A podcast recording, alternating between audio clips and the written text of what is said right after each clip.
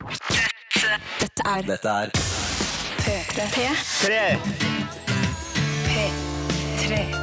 Dette er Lørdagsrådet med Siri Kristiansen. på P3. P3. God morgen, du hører på Lørdagsrådet, og den låta vi nettopp spilte, var Do What You Want med først og fremst eh, Lady Gaga.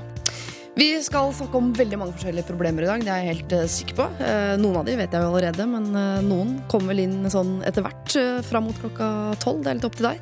Send det inn på lralfakrøll.nrk.no. Forhold, hvis jeg sier det, det er vanskelig, altså. Altså forhold til kjæresten, forhold til familien, forhold til naboen, forhold til kollegaene dine. Men kanskje det vanskeligste forholdet, syns jeg, det er forholdet man har til eh, venner. Jeg har alltid syntes at det der er kjempevanskelig. Altså mye vanskeligere med venner enn med gutter.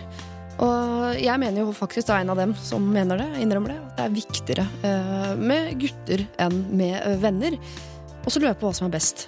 Er det best å ha mange venner og bekjente, altså såkalt stort nettverk, som det kalles? Selv om jeg mener jo at idet du begynner å kalle vennene dine for nettverk, så er det et eller annet som skurrer. Eh, Eller er det bedre å ha noen få venner? Jeg sier ikke noen få gode venner, fordi hvis du har mange venner, så kan de være vel så gode som de få du har. Men øh, jeg vil ikke sette kvalitet opp mot kvantitet, rett og slett. Det jeg tenker er at Hvis du har mange venner, så har du potensielt også mange problemer. Mens hvis du har noen få venner, så må de problemene som dukker opp, de må fikses. Ergo blir de vennene kanskje nærmere på sikt. Jeg kunne snakket om vennskap i månedsvis uten pustepause, egentlig, men jeg skal hoppe rett til den vanskeligste biten.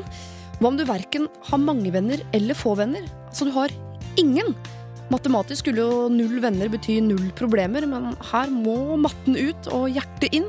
For ingen venner vil si at du har et stort og vanskelig problem. Og det problemet skal vi ta tak i straks her i Lørdagsrådet. Men jeg venter til rådgiverne er eh, på plass. Og jeg tror eh, vi rekker før den tid å spole litt tilbake til forrige uke. Eh, vi skal innom Lincoln Park, vi faktisk. Dette her er In the End. Lørdagsrådet På P3. P3. Jeg klarer ikke helt å beskrive følelsene jeg får i kroppen av Lincoln Park med Indian. Det eneste jeg kan si, er at den er generelt god, eh, men om den er melankolsk eller eh, om jeg opplever noe til den låta, eh, det, jeg vet ikke. Men jeg sitter med en god følelse i magen, altså. Eh, Jeg håper du også har det, for vi skal over på noe som ikke er eh, et typisk tema som gir gode følelser i magen. Og jeg beklager på forhånd at jeg må ta det opp såpass tidlig på morgenen som tolv over ni. Men vi skal innom herpes. Nei, det hører ikke buntafil. Eh, Fordi forrige uke eh, for nøyaktig en uke siden så prøvde vi å gi noen velmenende råd til en fyr som hadde herpes. Eh, Han ønsket ikke å fortelle det til alle damene han eh, møtte. Han ville ikke liksom idet de var i gang og kanskje skulle gå til sengs sammen, eh, måtte stoppe opp og si sånn Før vi går videre, så har jeg en beskjed å gi. For da var han redd for at det hele ville bli avlyst, og det tror jeg helt sikkert at han har rett i. At det antageligvis ville blitt i mange tilfeller.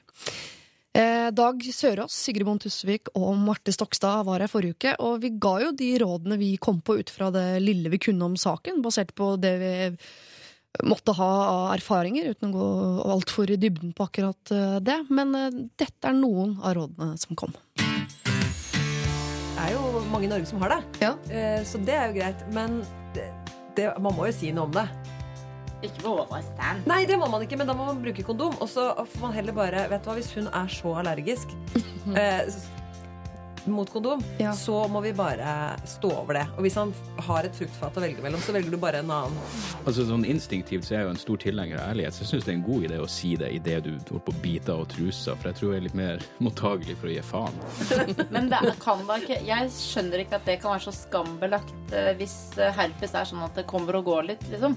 Sånn som eh, herpes på munnen. Ja. Folk går jo ikke rundt med svære kjøttsår på leppa hele tida, men de gangene kjæresten din, eh, eventuelt hvis du har en kjæreste som har, eller du selv har forkjølelsessår på leppa, så pleier du ikke å kline jævlig mye med kjæresten din da. I hvert fall ikke uten kondom. Nei, så det er med sånn slikkelapp. Men jeg vil tro hvis du finner ei ok dame, så aksepterer hun herpes på lik linje med andre sår og knekte bein, som er tegn på at du har Ja. hatt et liv. Dette er Lørdagsrådet På P3. P3.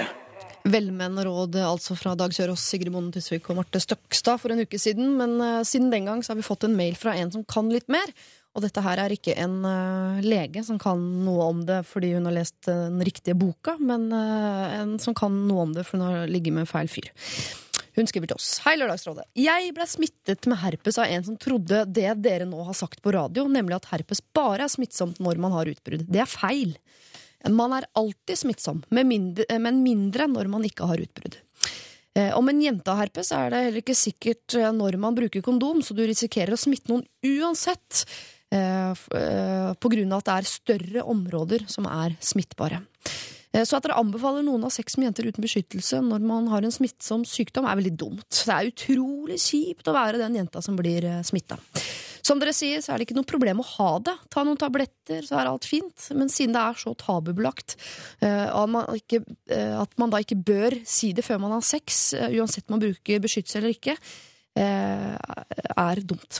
Hilsen en som skulle ønske at han som smittet meg, hadde fått riktig informasjon, slik at han ikke ubevisst smittet andre.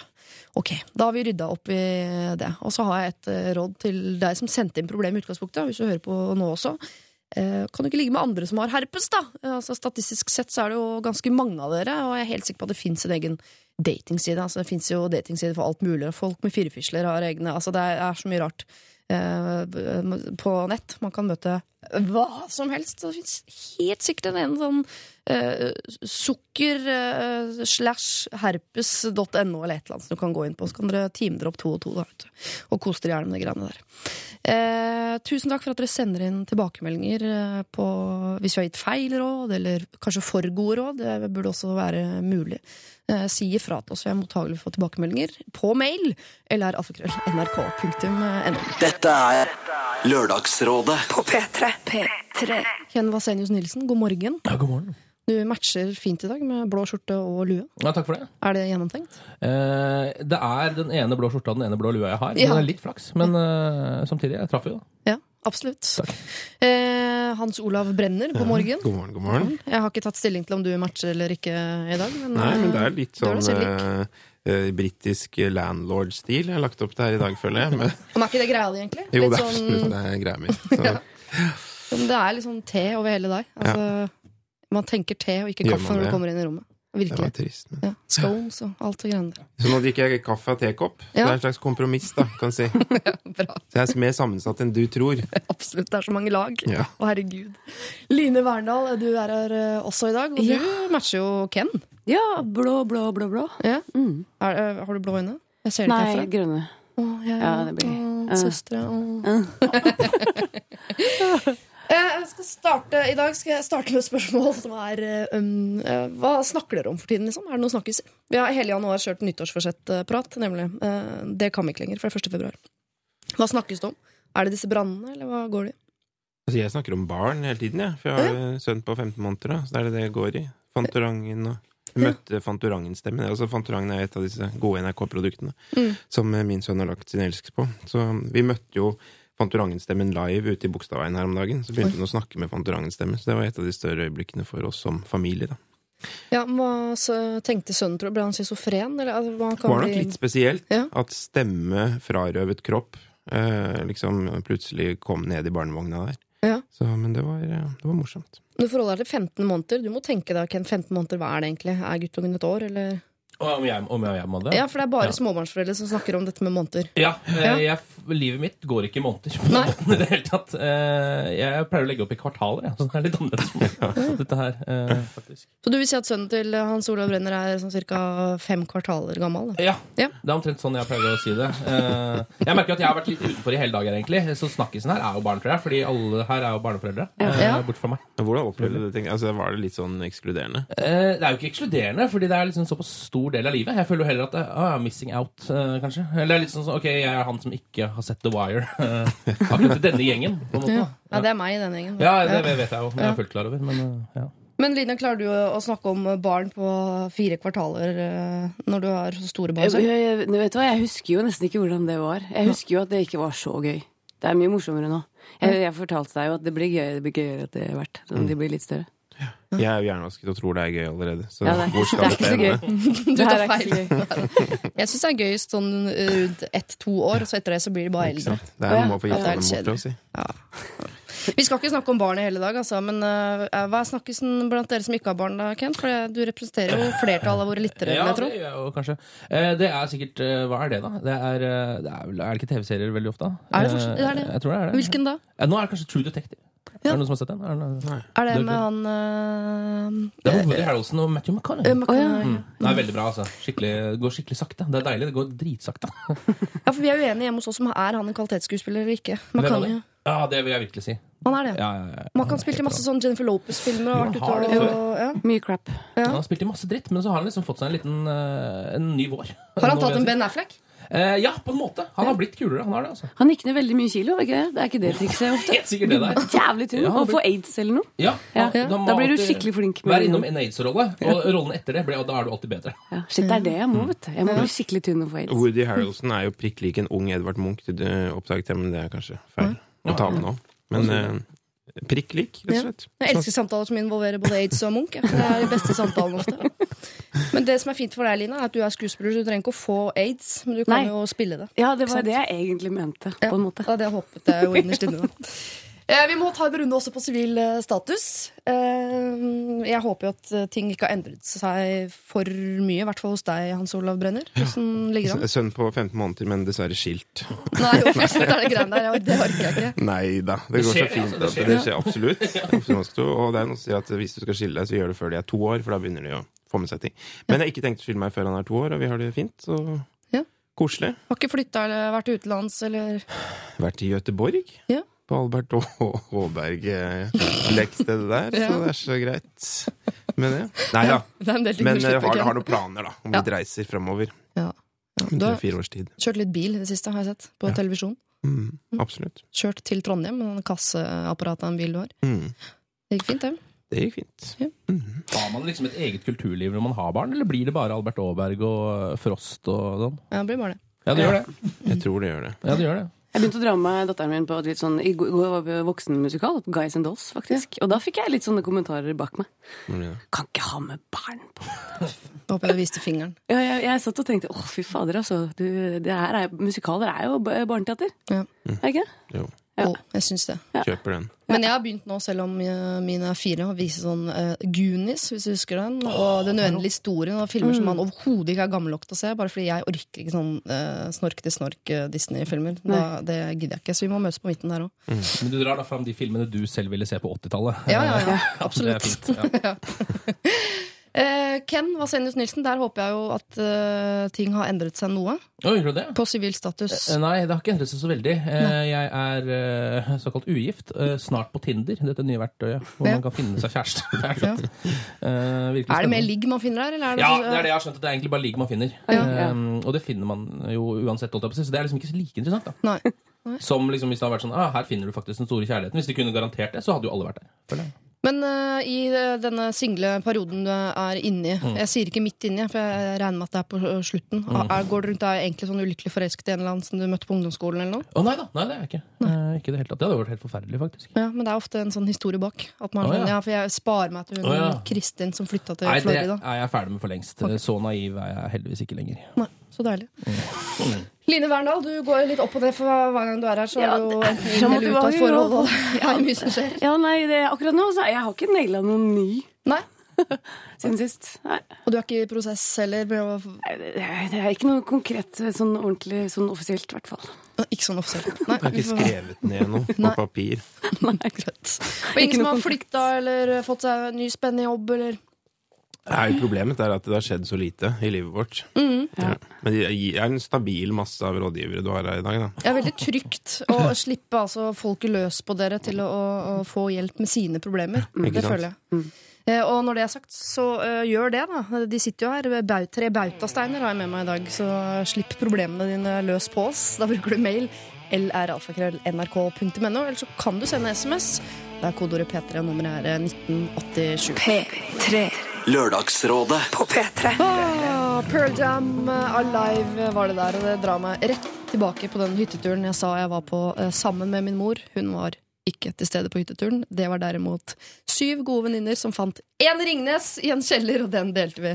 Det var første gang vi smakte øl, og så hørte vi på Pearl Jam. Det var crazy! For mange år siden. Ok, nok om det. Eh, Dagens rådgivere er eh, Line Verndal, Ken Vasenius Nilsen og eh, Hans Majestet Olav Brenner. Og vi skal ta morgenens første problem. Hallo! Jeg er en gutt på 19 år. For ikke lenge siden døde en av mine beste venner. Noe som naturlig nok var utrolig trist. Jeg hadde heldigvis to andre gode venner som støttet meg. Trodde jeg.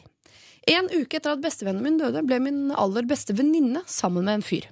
Eh, Dette var en venninne jeg hadde sykt sterke følelser for. Vi hadde egentlig holdt på i et år, men det skjedde mye rart. Hun gjorde masse greier som gjorde at jeg ble litt usikker på hele henne. Når hun fikk seg type, ble kontakten helt borte. Noe jeg tror kommer av at hun hadde litt følelser for meg også, og var redd for at hun skulle få mer av dem eh, igjen. Dette ene problemet går fint i seg selv, fordi jeg har jo enda en venn som jeg kan henge med, men hun har en type som ikke er så keen på å la henne henge med meg. Så han sa til min venn at hun måtte velge mellom han eller meg. Hun sier hun ikke har valgt, men jeg føler at hun har valgt ham. Jeg sitter nå igjen helt eh, alene vet ikke hva jeg skal gjøre. Jeg gikk fra å ha tre gode venner til å ha ingen. Med eh, gode venner mener jeg da sånne venner som man kan snakke med alt om. Så hva skal jeg gjøre nå? Jeg klarer ikke å være alene i den tiden jeg er i nå. Jeg tror ikke noen ser helt hvordan jeg har det. Gi meg noen tips på hvordan jeg skal gjøre dette. For jeg vil ikke ende opp som en arbeidsnarkoman som ikke har et liv utenfor jobben. Hilsen The Lonely Wolf. 19 år. Han gikk fra å ha tre gode venner altså, til nå å føle seg helt alene. Hva gjør man det, da? Ja. Det er- er litt tungt å begynne med, jeg innrømmer det. Ai, ai, ai. Men eh, la oss prøve.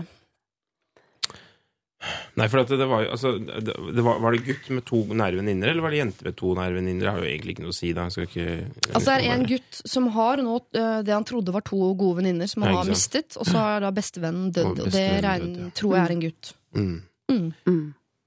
Ja, for disse har jo fått seg kjæreste, og hva gjør man da med kjærester som ikke er så interessert i at de skal ha kontakt med venner av motsatt kjønn osv.? Det er jo liksom en egen problematikk her. Ja, I tillegg til det vanskelige, den vanskelige situasjonen han er i. Ja. Men altså, det kan jo hende at mye har skjedd her, så liksom hans problem eller hans ensomhet rett og slett er noe som er blitt litt usynlig for de andre. Altså at de ikke helt har fått det med seg, fordi det har skjedd veldig mye på mange fronter på en gang. Mm. Så kanskje det rett og slett bare er å ta litt kontakt med dem og så prøve å forklare hvordan situasjonen er. Være litt ærlig på at nå føler jeg meg plutselig veldig sånn alene i en tøff tid, og alle har gått hver til sitt, og uh, jeg har ikke noe drøm om å legge beslag på noen eller noe som helst, men plutselig satt jeg igjen litt alene. Altså, det går an å ta den, da. Ja. Mm. Det tror jeg jeg ville prøvd. Er det noen som tenker at han kan uh, snakke med uh, kjærestene til disse venninnene, sånn at de skal forstå at han ikke er en trussel? Ja, det går jo an, det. I hvert fall hvis eh, det blir lagt fram på en litt sånn her måte. Ja. Men det er ikke sikkert. Han kan jo også kan snakke med de, men kan også snakke med vennene sine, som igjen kan snakke med de. Det er egentlig samme hvilken vei det går, føler jeg. Det er liksom, uansett så bør jo folk ha forståelse for det, eh, både venner og kjærester. At hvis man legger det fram på denne måten, bare sånn Nå eh, har jeg egentlig ikke så veldig mange igjen. Og hvis du da egentlig var en god venn i utgangspunktet, så vil liksom det argumentet være godt nok, tror jeg, for at du skal eh, i hvert fall ofte nok kunne stille opp for denne vennen som er alene. da. Ja. ja, er det det? Fordi hvis man har mistet kontakt med en venn, kommer man tilbake av sympati? Ja, men, ja, men det virker jo ikke som det er den eh, Som det er noen som har trukket seg ut av det vennskapet der med vilje. Det virker som det er en, en annen part som har lagt press på, da. Hvis det er det der. Ja. Hvis det bare er et slags sånn der, eh, sånn skjult motiv, at det liksom egentlig ikke er sånn det er, så er det jo en vanskeligere situasjon igjen. For da er det jo bare en som faktisk har eh, Du, jeg vil ikke være vennen din lenger. Jeg har gått fra deg. Jeg sier at det er pga. kjæresten min, men egentlig så vil jeg ikke være sammen med deg. Ja, for det er liksom, Hva slags motiv er det her? Det er så underlig at uh, disse jentene har jo fri vilje, vil jeg tro. Selv om det kommer inn en kjæreste fra venstre som mener ditt og hint og er sjalu og sånn, så må man jo de, de, det, er- det, er jo, det er jo Jeg tenker at det er jo de han må snakke med, disse kjærestene. De har jo ikke han noe med å gjøre. Nei. Um, men kanskje det, er, eh, for det, kanskje det er et veiskille, da. Liksom, For å være helt ærlig, 19 år. Hvor mange venner har jeg igjen fra jeg, jeg var 19 år? Det vet jeg ikke. Det er noe med at Hvis man skal se lyst på fremtiden, så er det jo mange nye folk man kan møte i sitt liv. Ja. ja, det er ikke så veldig mange igjen av de man hang sammen når man var 19, men det hjelper jo liksom ikke når man er 19. For Nei, det er sant. akkurat nå er han alene, og jeg tenker eh, det er litt farlig uh, hvis, man har, hvis man som gutt har masse venninner. For sånn er det jo som jenter med masse kompiser. De vet man forsvinner til en viss grad når du får seg dame. For det er Mm. et eller annet med uh, at disse nye kjærestene syns det er en trussel osv. Det er ikke så mange som er så gode på det der.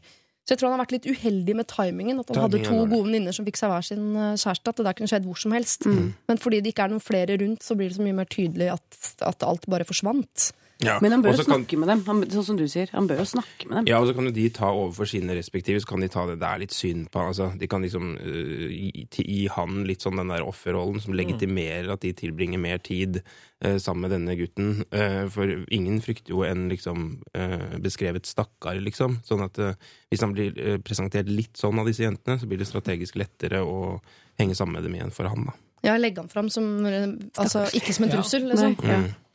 Men jeg kan skjønne hun ene venninnen som han har hatt sterke følelser for, og de har vært på dealeren et Ja, år og sånn. Der skjønner jeg at han nye kjæresten er litt sånn fysen på at de ikke skal henge for mye sammen, bare de Mm. to. Ja. Men hun andre andre gode venninnen burde jo kunne sette Mm. ned begge beina og være til stede. Men er de så veldig gode venninner, disse her, eh, da?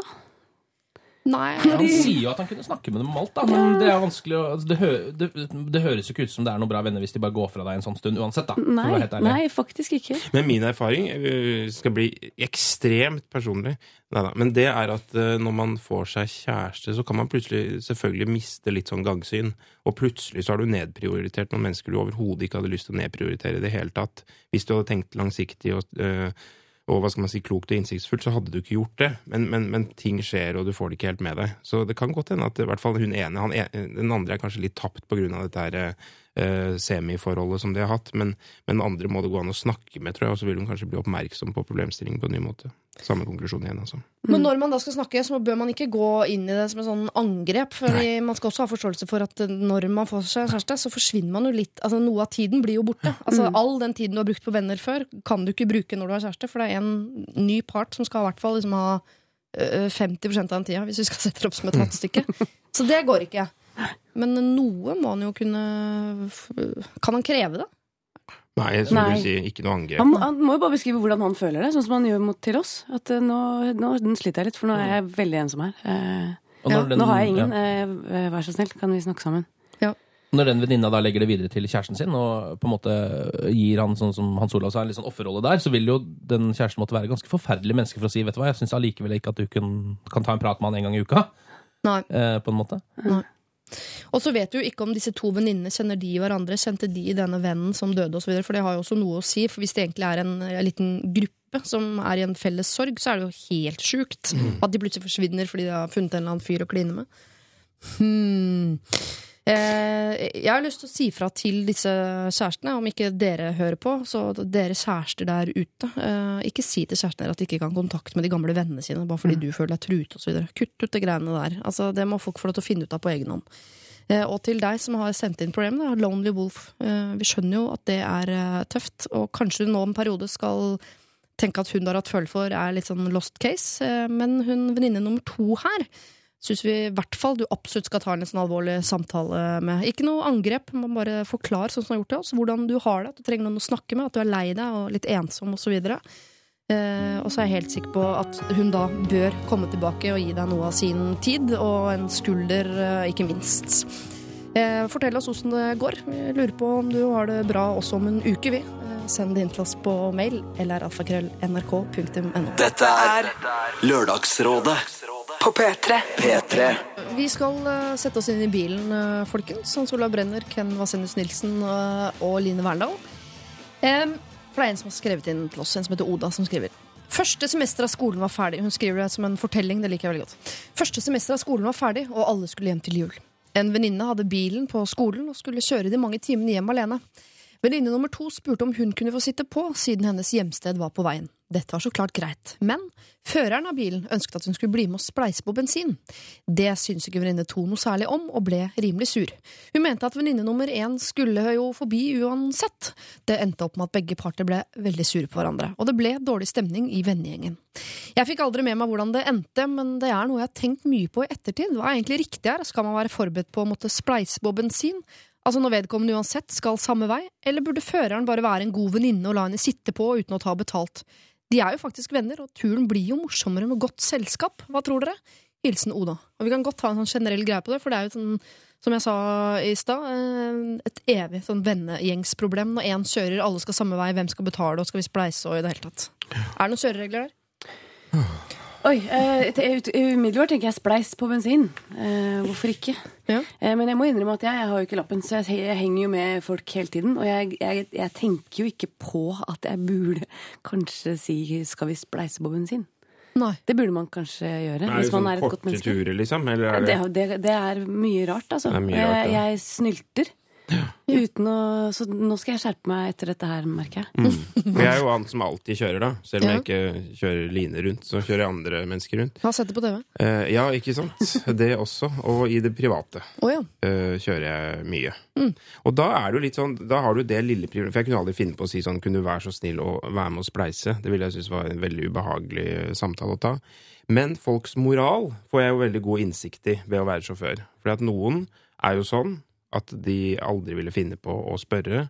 eh, Og som nettopp har den logikken med at ja, men du skal jo dit uansett, og selv om man er på felles ferietur hit og dit, eller et eller annet, så gidder de ikke å tenke på at de skal være med og betale.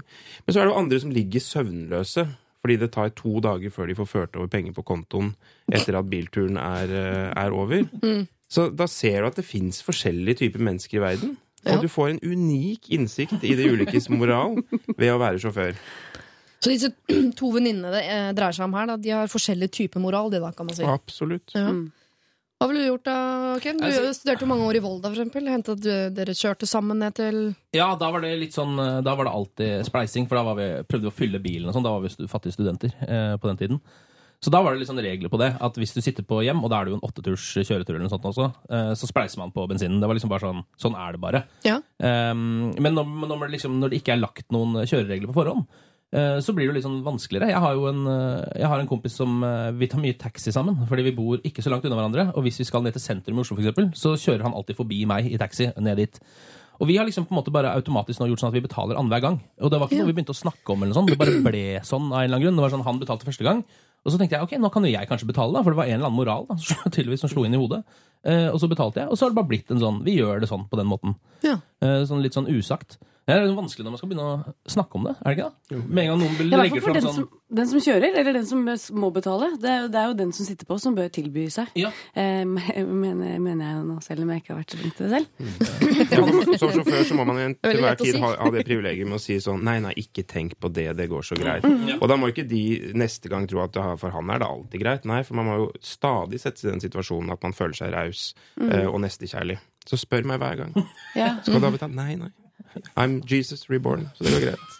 Men jeg skjønner ikke hvorfor hun venninnen blir sånn dritsur over at hun foreslår at de skal dele på bensinregninga. ja, Det er. Det syns jeg er underlig. Ja, i hvert fall for de er studenter. Ja.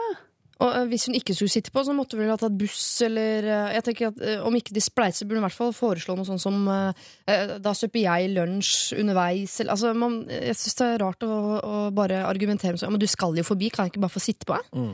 I hvert fall når man er studenter. Da har man dårlig råd. Slags regel hvis man sitter på i noens bil, så enten gi da sjåføren eh, ekstreme komplimenter eh, for godheten og rausheten han har, eller penger. Eller penger. Det er de to tingene. Altså, Med mindre en av døtrene til Jon Fredriksen er inne i bildet, eller et eller annet her, så er det jo eh, så sunn fornuft. Altså, det er jo bare sunn fornuft å være med og. Og studiesituasjonen er jo helt eh, Der er det jo helt opplagt hvordan man skal gå til Altså, når alt er belånt, og alt er eh, eh, økonomisk på minussida, så er det ikke noe tvil om at man må spleise. Men jeg husker når jeg var student, så pleide jeg å klikke på en venninne i gjengen som ofte var med på vorspiel og hadde med bil. Eh, for at ikke eh, hun kunne kjøre oss ned i sentrum istedenfor at vi skulle ta taxi. Og det hendte at hun gjorde det, men da kunne hun finne på å si sånn Dere må betale 20 kroner hver for å sitte på i bilen ned til sentrum. Og da ga jeg henne alltid en femtelapp og sa sånn behold resten. Så for, bare jeg ble så irritert. Men da handlet det om at hun kjørte bilen til foreldrene sine. Jeg visste at hun hadde ikke fylt bensin på den bilen. Det var jo foreldrene som hadde fylt og kom til å fylle neste gang. i det hele tatt så de pengene vi ga henne, kom til å gå rett til eh, bind og melkesjokolade. på en måte og det, så Da ble det ordentlig baksnakket vi ganske hardt i mange år, og gjør det innimellom fortsatt hvis vi er i det rette hjørnet. Ja, Så hvis det er eh, foreldrenes bil og deres bensinkort og sånn, nei, så skal hun vel ikke ha betalt for å ha selskap i bilen. Nei. Nei, Selv om de er ikke kunne, skal ikke kunne bygge et imperium på foreldrenes bensinutgifter. Nei, Det syns jeg ikke. Nei det syns ikke jeg heller. Men hvis det er hennes bil, og hun betaler bensin og sånn, så kan det vel så er det vel 50-50 som er eh, Men er i ferd med å rakne med sunn fornuft der ute, liksom? Altså, her må man jo tenke seg om, og Ja. være høflig og alminnelig og godt oppdratt. Sånn som Line nesten er. Jeg er i ferd med å bli. å. Men for, så, eh, det er venninne to som burde ha foreslått å betale her, nettopp for at venninne nummer én, hun med bilen, skal slippe å i det hele tatt stå i den ukomfortable situasjonen det er og si sånn, da må du betale. For det var sikkert ikke noe kult for hun å si det. Nei.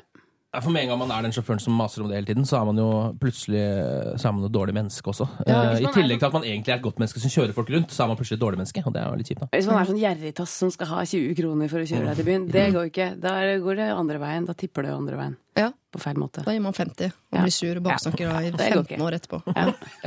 På radio, til og med. Ja. Blir ikke ferdig med det. Ja, men det. På dette feltet her er det knivskarp egg mellom liksom, nestekjærlig raus og petimeter og kjip. Altså, Ja. det, er, det er satt på spissen. Liksom de der, den der knivseggen i vårt egen, eget indre. Holdt på å si. Ja, Men også det der du skal jo uansett forbi-argumentet. For det er jo eneste argument der, egentlig. Du skal jo uansett forbi. Det, det kunne man jo sagt. Jeg kunne jo sagt det til bussjåførene. Men du skal jo til Carl Berner! Kan jeg ikke bare sitte på, da? Kunne jeg sagt. Jeg kunne sagt det eh, når vi skal leie hus sammen i Danmark. Sånn, ja, men dere skal jo til Danmark og har tenkt å leie hus. Kan ikke vi bare bo der, vi òg, da? Altså, jeg er man kan jo komme seg gratis gjennom livet hvis man hele tiden bare kaster seg på andre og hvor de skal og hva de skal, og om du hele tiden bare kan være med. Gratis. Blindpassasjer i andres lommebok. Og så spørs det også litt hvordan man gjør det selv, da. Når, det, når man snur situasjonen, når den andre personen er sjåfør. Ja. Eh, er det da sånn at den kjører folk rundt gratis, så er det jo klart at den da tenker, kanskje at andre skal gjøre det også. Ja. Så det er jo det, er jo det som er så vanskelig. Man må liksom finne en sånn eh, en felles regel, eh, og det, da må man jo liksom eh, da må man jo sette seg ned og bare Ok, nå skal vi bli enige om et eller annet her. Det er jo alltid en kjip situasjon. Men kapitalen har jo litt ulike For jeg tenker, I studentsituasjonen så er kapital penger, liksom. Det er det eneste som gjelder. For at alle er fattige, og alle er på minussida. Eh, I min eh, fremskredne alder på fem, jeg vet ikke, 36, 35, 34, så er det eh, jo en god og varm eh, takk som tar opp i seg at jeg har ytt en ekstra skjerv, varmer jo mer enn 20 kroner, på en måte. Ja. Så hvis noen ser meg som sjåfør etter alle disse årene, Ja. så setter jeg veldig pris på det. Altså, det blir litt sånn kleint hvis en kamerat begynte å tilby meg 20 kroner for at jeg kjørte ham fra Ullevål til Grünerløkka, liksom. ja. Så det er med en god og varm takk. Kanskje en klem. Ja. Det hadde vært koselig. Ja. For en gangs skyld. Men hvis vi skal sette opp en slags regel er det Lørdagsrådet, for det har vi muligheten til nå, så, så venninner slipper å splittes og ikke sant. Eh, Jeg syns regelen skal være at venninne nummer to, eller kamerat nummer to, alltid skal tilby seg å betale halvparten, og så er det opp til venninne én om man har en raus stemning, eller om man har en uh, mer sånn eh, studentstemning. Og sier sånn ja takk, det er sikkert lurt, for jeg er student og spiser nudler. Eller sånn vet herregud, det er bare koselig om du vil sitte på. Men det er, det er opp til venninne nummer to å tilby, sånn man ikke setter venninne nummer én i en sånn klein posisjon. Er det på turer over fem kilometer, da, eller? Ja, det syns Ja, jeg. det synes jeg. Ja, for sånn ja. bare hjem fra et eller altså, Nei, det, må, det blir for smått. Ja. Men uh, turer over fem kilometer uh, Individ nummer to må tilby opp til individ nummer én uh, det utfallet blir. Notert. Notert. Lørdagsrådet på P3. Eminem sammen med Rihanna, det der, og eh, låta The Monster har vi altså eh, hørt.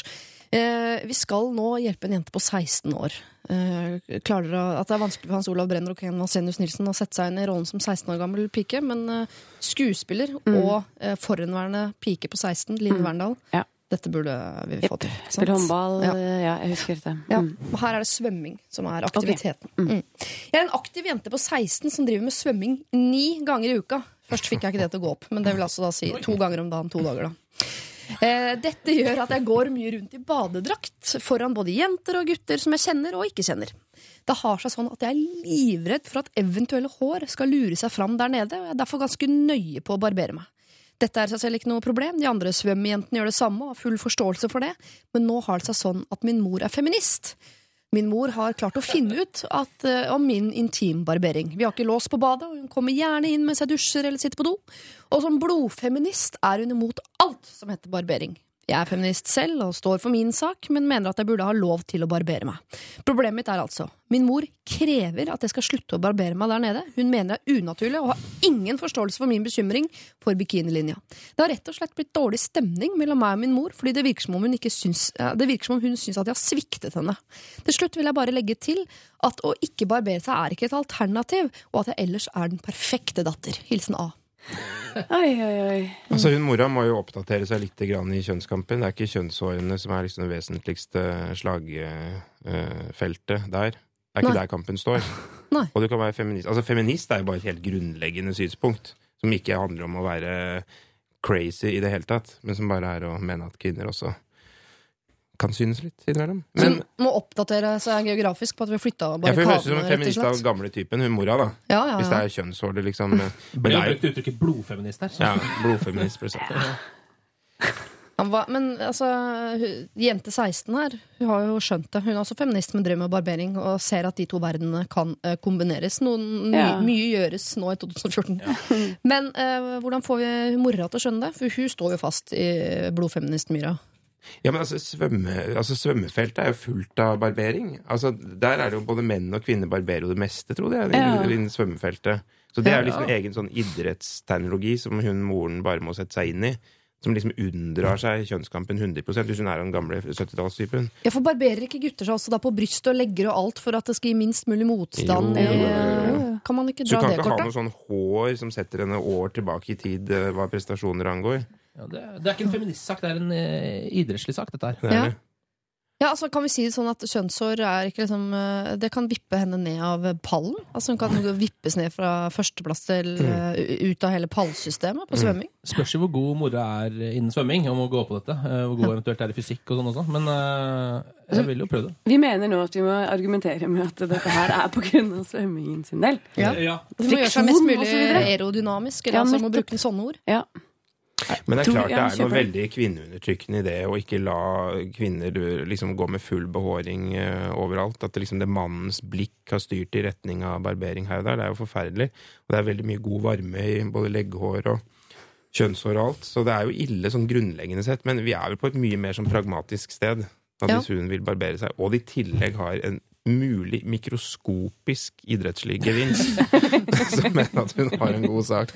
Og det er litt trist å si at den kampen er på en måte litt tapt også, men som blodfeminist så er vel det kanskje helt umulig å innse. Altså Ja, men hun, Og det er jo hun er fint jo i dag, det er lettere 16 jobb. år! Kan mammaen drive og i, i, holde på med det der? Og, og, og diktere hva datteren din skal gjøre? Det syns jeg er ja, Kan vi ikke det, da? Fram til de 18? Ja, men, jo, man kan vel, kan vel strengt tatt det, sikkert. Ja. Under mitt tak, Ja, og så så lenge du bor under mitt tak, så følger du mine intimbarberingsregler osv. Er ikke det, blir ikke det ofte sagt? Men kan du ikke skaffe en lås på den der døra, da, først og fremst? Jo, oh, ja. men det er Hva var det for noe? Det var ikke, det var ikke lås på baderomsdøra. Altså, moren kommer inn når hun dusjer og på do og alt mulig. Oh, ja. Det er, litt, det er også litt eh, 16 år, kanskje. vet ikke. Man må jo få lov å være på do alene. ja. For det også handler om intimgrenser, spør du meg. Da. Ja. Men eh, hun har jo skuffet moren sin. Det er dårlig stemning. Hun vil jo hun vil ikke slutte å barbere seg, det er ikke et alternativ. Men Nei. hun vil jo uh, få tilbake den gode stemninga mellom mor og seg.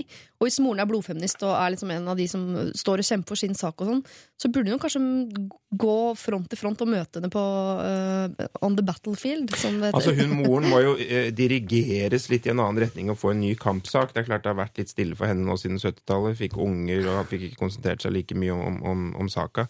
Så hun må jo inn på dette med reservasjonsretten, eller hun må oppfordres Ja. til å skrive leserinnlegg. Eller, altså hun må på en måte inn på et nytt spor, bort fra kjønnshårene og over på reservasjonsrett. Eller et Ja. eller annet annet. Ja, Hvor er det viktigere. kampen står nå? For mor med litt sånn oppdatert uh, feministlitteratur fra Sverige, eksempel. Der har du veldig svær bokflora som det går an å ta av.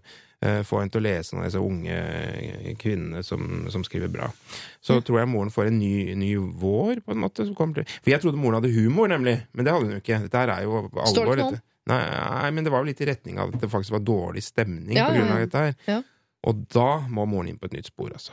Ja, men Det kan være en bra regel. Jeg leste opp å bli eh, altså, Norges beste unge feminist. Eh, kun den saken såpass godt at til slutt så overgår det mor på alle punkter. Mm. Og så vil kjønnshårene bare være en parentes. Ja, for er, er, det, er det det moren er redd for? At hun skal liksom på en måte bli eh, sånn strømlinjeformet og Ja, miste ikke- kampsaken, liksom? Hvis hun, hvis hun overbeviser moren om at jeg er eh, feminist, jeg er med på Men akkurat dette med kjønnshårene bryr jeg meg ikke om. Og sånn Nei. er det med oss unge feminister i dag, mamma. Ja, ja, ja. ja. Ja. Eller sette lås på døra, slutte å snakke om det der med barbering, og så heller bare være veldig opptatt av et eller annet som faktisk er viktigere innen, eh, ja, innenfor feminisme, for den saks skyld, men bare få en eller annen kampsak som moren blir gira på. Så gira at hun glemmer de der kjønnshårene til datteren sin, som jeg syns man skal ha glemt for lenge siden, egentlig, som mor. eh, Ja, altså Det er jo eh, jente 16 som har rett her. Hvis Ja. noen skal ha rett, så er det jo jente 16. Og også fordi hun er svømmer, og alle barberer seg overalt. Det er jo et argument. Ja, og skal du vinne, så må du. Ja.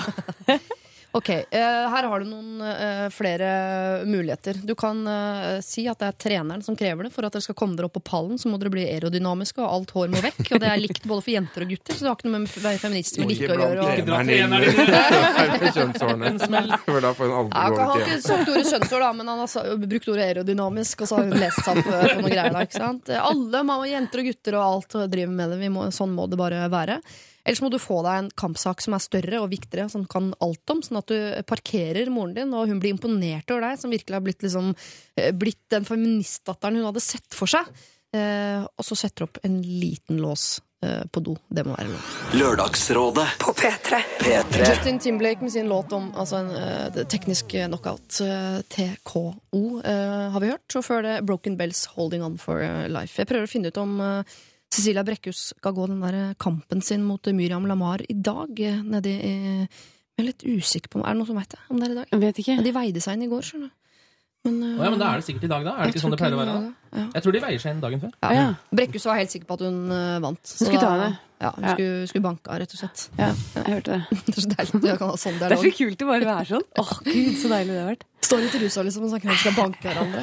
Og alle tar bilder og klapper, og full stemning. Veldig absurd og litt gøy. Ok, Vi skal ikke snakke så mye om eh, det, eller det vet jeg ikke. For jeg tenkte jeg skulle spørre dere om dere har hatt en kollega noen gang som dere syns er så håpløs at det liksom eh, Kanskje dere har lyst til å møte vedkommende i bokseringen? Oi. Eh, Og hva gjør man da, liksom? Jo, ja, men på, jeg bare tenker som Skuespiller på settet, for eksempel, så må du ha hatt motspillere som, ikke du, som du skal være venninne med, eller kjæreste med, sånn, som tenker ja, men det har, det har vel vært heller sånn innspillingsledere eller noe sånt. Oh, ja. Ikke nødvendigvis mine kolleger. Kom igjen, altså. da. Hun Lena Endre var en bitch, var det ikke det? Nei, hun var, hun var ikke det, altså. Jo, Dessverre. jo. Du sa det til meg jeg. Lena Endre var super, altså. Hun var, det, var, det var virkelig ikke noe sånt. Eh, Hvem er det? Jeg vet ikke hvem det er. Den svenske skuespillerinnen som jeg hadde som stort idol fra jeg gikk på Teaterhøgskolen, som jeg Ja. endelig fikk spille mot. Det var stas. Ja. For Hu Verndal. Eh, mm, jeg hadde ikke lyst til å banke henne. Det hadde jeg ikke. Men uh, du har hatt en innspillingsleder som du hadde lyst til Ja, til fy søren. Sånn som når du skal ha scener som er emosjonelle og vanskelige, og som eh, 'Jeg må vente på skuespilleren, trenger noen minutter.' Sånn, som ikke skjønner at eh, eh, um, Unnskyld, men jeg trenger faktisk litt tid til å komme inn i dette her før jeg skal ja. på. Som er sånn tramper overalt. Som bare sto så på klokka? Ja. Ja. ja. Som bare syns at du er utur helt håpløs for det. Så jævlig følsom skuespiller. Ja. Ja. Line må ha te igjen, hun òg, skjønner du. Ja, ikke sant. Ja. Hva med deg, Ken? Det er jo litt farlig å spørre, da, i og med at vi er kollegaer. Eh, ja, selvfølgelig. Jeg vet hva, eh, akkurat på, Når det gjelder liksom, tingene som har skjedd her eh, i NRK, så har jeg liksom stort sett forvalgt mine egne kollegaer på en eller annen måte. Ja. Eh, Så det har egentlig vært veldig greit. Eh, Jeg har stort sett jobba med folk jeg kjenner og sånn. Ja. Men da jeg jobba på repbanen eh, her på Helsfyr i Oslo, ja. Tims repbane, så var det en truckfører som var altså helt håpløs. Og han hadde også det derre kompleks Eller sånn han, han hadde den greia at han, at han trodde at han var sjefen på stedet, sånn som noen truckførere gjør. Ja. At han trodde at han var mellomleder, i tillegg til at han da var truck- truckfører. Og da blir det ekstra vanskelig når du er litt sånn inkompetent. Ja. Eh, så han, han sleit jeg med i mange år. Uh, Ja, For du jobba der i mange år? ja? Ja, jeg jobba der i mange år, men heldigvis da bare i eh, korte perioder av gangen. Ja. Tomånedersperioder. To. Så jeg ble ikke på noen måte merka av det, men eh, det var en av de grunnene som gjorde at jeg ikke jobber der lenger. Ja. Jobba på lager sjøl, med en truckfører som, uh, som var nazist. Vi også krangla ganske mye. Han var faktisk. nazist? Han var nazist. Ja. ja. Åssen er det med deg, Hans Olav?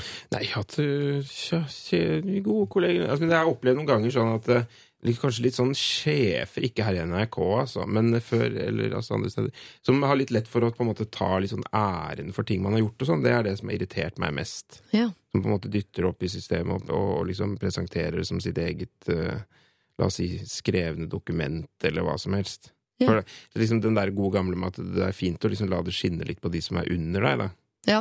Den syns jeg har blitt utsatt for i motsatt ende, at uh, noen over meg har uh, ja, tatt æren for ting jeg har gjort og sånn.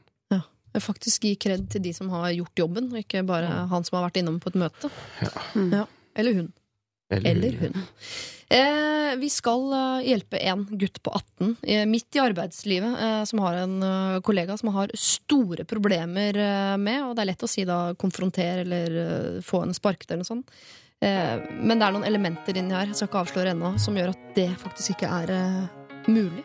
Så vi må finne noen andre veier å gå for å hjelpe eh, denne, altså. Lørdagsrådet På P3. P3 Gode kollegaer, dette her, i Carpe Diem. Ja, de er jo kollegaer, altså, de gutta i Carpe Diem. Tusen tegninger var dette. Grunnen til at jeg flåser det til, er for vi skal snakke om eh, kollegaer. Noe vi gjorde også før denne Carpe Diem-låta. Hans Olav Brenner har tidligere irritert seg over sjefer som tar æren for ting, og en sjef er jo en kollega. Eh, Ken Vasenius Nilsen han velger sine egne kollegaer. Han har aldri hatt problemer med noe som helst. Jo, på, når du jobba på reperbanen, som jeg ikke vet hva er engang. men- Det er en taufabrikk. en taufabrikk, ja. Jeg trodde det var en travbane, eller sånn, men ja. En taufabrikk, greit. Der hadde du litt problemer med en truckfører som trodde han var sjef. Det er helt riktig. Ja. Eh, jeg aner noen autoritetsproblemer borti der. Men, eh, og Line Verndal, du har hatt mer problemer med sånne innspillingssteder og sånn, som jobber etter klokka og ikke Ja. ja, klarer å se at skuespillere trenger Trenger et eller annet. ja, har, behov. Vi skal hjelpe en gutt på 18 eh, som har eh, fast jobb i butikk bak kassa. Hei, Lørdagsrådet. Jeg er en gutt på eh, 18 eh, som jobber da i butikk. Fast jobb bak kassa.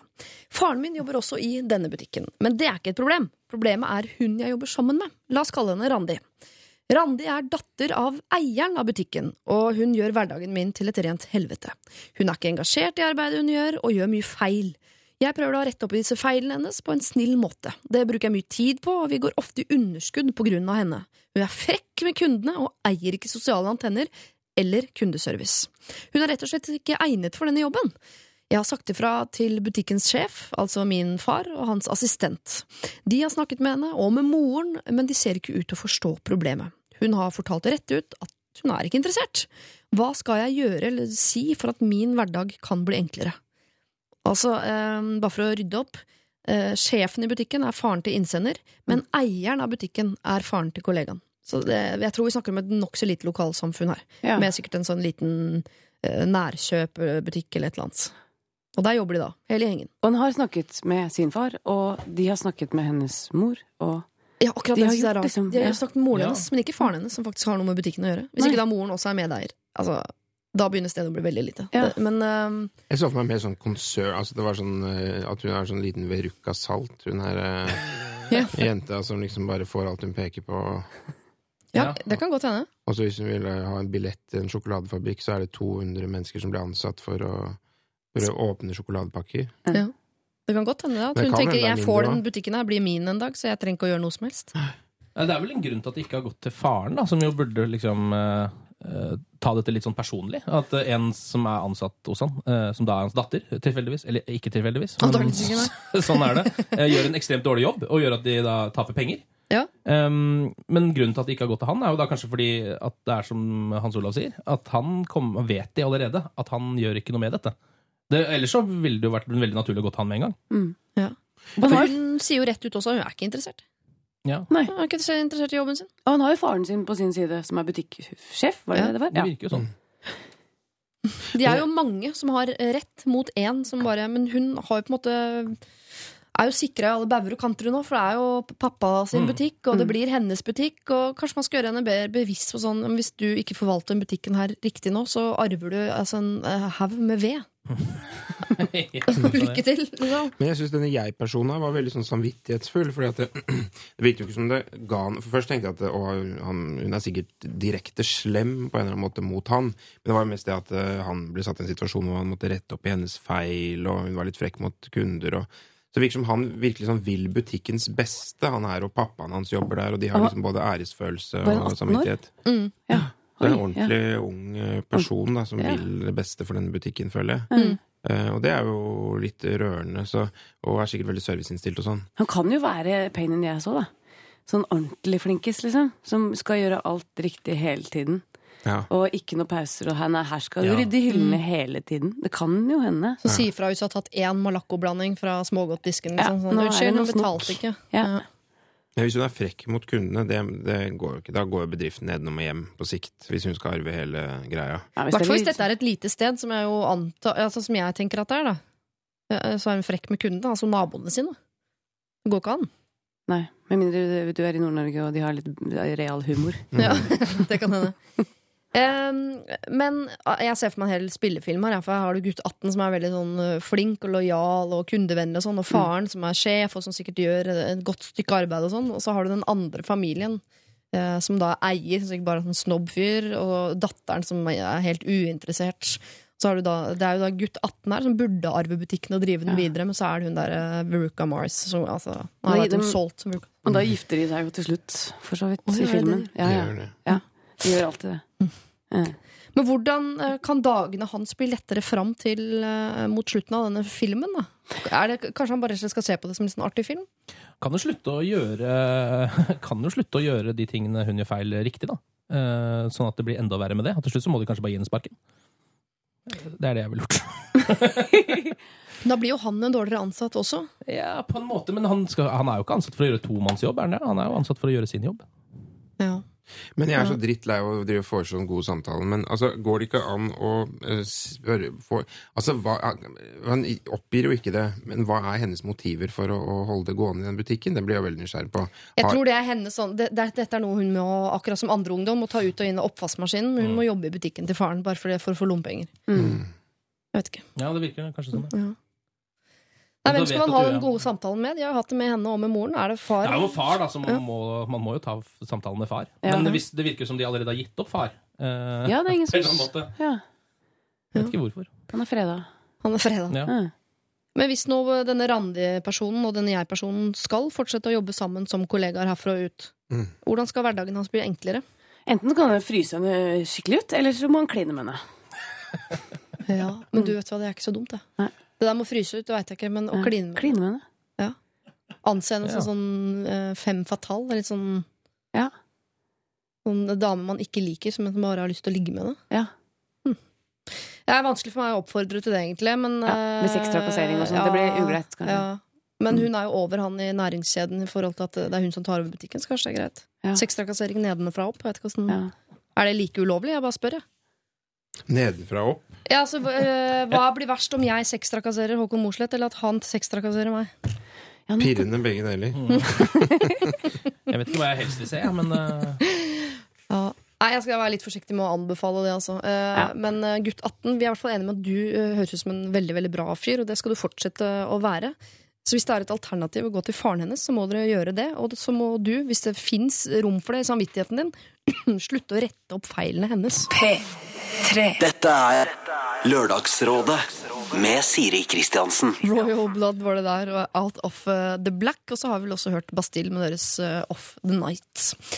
Eh, Jeg tenkte jeg skulle informere om at eh, i dette øyeblikk er lagt ut et uh, sort-hvitt-bilde av dagens rådgivere og meg selv på Facebook. Uh, Linn Verndal, meg selv, eh, Hans Olav Brenner, Ken Vasenius Nilsen. Sier det rekkefølgen vi står på bildet. Det er ikke Ja. noen andre føringer, verken alfabetiske eller annet. Ble det fint? Ser jeg så høy ut som jeg følte meg? du var veldig høy. Akkurat her ser Line Verndal høyere ut enn deg, Hans Olav. Det beklager jeg, men for vi opplevde jo deg som høyest. Ja, vi gjør det. Og, der er det. Ja. Og du opplevde deg selv også som veldig høy oh, i den bildesituasjonen. Men hvorfor sort-hvitt i grunn? Er det arty-farty? Må spørre Dr. det? Jones, fotograf, produsent, øh, øh, regi og i det hele tatt. Er Jeg har ikke mikrofon ennå. Ja. Ble vi penere med i sort-hvitt? Ja, så er det så dårlig lys her, og da kan jeg dra opp litt mer da, du, når, når det blir svart. Oh, ja, akkurat. Jeg skjønner. Jeg skjønner, jeg skjønner. apropos lys, det er artig at du skulle nevne, for jeg prøvde jo å skape bedre uh, lysforhold for nettopp Fotos her uh, i Lørdagsrådet sitt øh, studio på Marienlyst, og har hengt en flashlampe ganske massiv størrelse i taket med ved hjelp av gaffateip og noen reimer og noe greier. Det gjorde jeg på morgenkvisten i dag. Eh, Det er filmet og lagt ut også på Facebook. Men den lampa den er fin, men den er så kraftig at det begynte å lukte svidd. Så vi var altså bare sekunder unna å sette fyr på hele NRK-bygget. Mm. Eh, Og ville blitt saksøkt og gjort arbeidsløse og husløse og i det hele tatt. Men uh, intensjonen var uh, god. Det kunne blitt et nydelig fargebilde. Mm. Men her sitter vi altså da med en slukket lampe i taket og et svart-hvitt bilde på Facebook. Det er som en sol. da Jeg fikk jo en blind spot på øyet, faktisk. eh, Som jeg ikke har fått bort Ja. etter at det lyset ble slått på. Da er det jo artig å nevne at jeg har eh, altså, eh, grunnkurs elektro eh, på CV-en og gått lys- og sceneteknikklinja. Og har da en forhistorie som eh, har rigget altså, lysriggen i Oslo Spektrum osv. Så, videre. så at jeg har gjort dette her nå så brannfarlig, det er, gjør jo vondt. eh, sånn yrkesstolthetsmessig for min del. Ja. Men uh, hvis du ikke skjønner hva jeg snakker om, så gå inn på Facebook og se video av opphenget av denne lampa. er Lista er ikke så høy lenger for hva man, uh, hva man filmer. Eh, og bilde av dagens rådgivere altså på Facebook, hvis du er venn med oss der, da. Lørdagsrådet med Siri Kristiansen. På P3. P3. Datarock hører vi der altså, med deres Give It Up.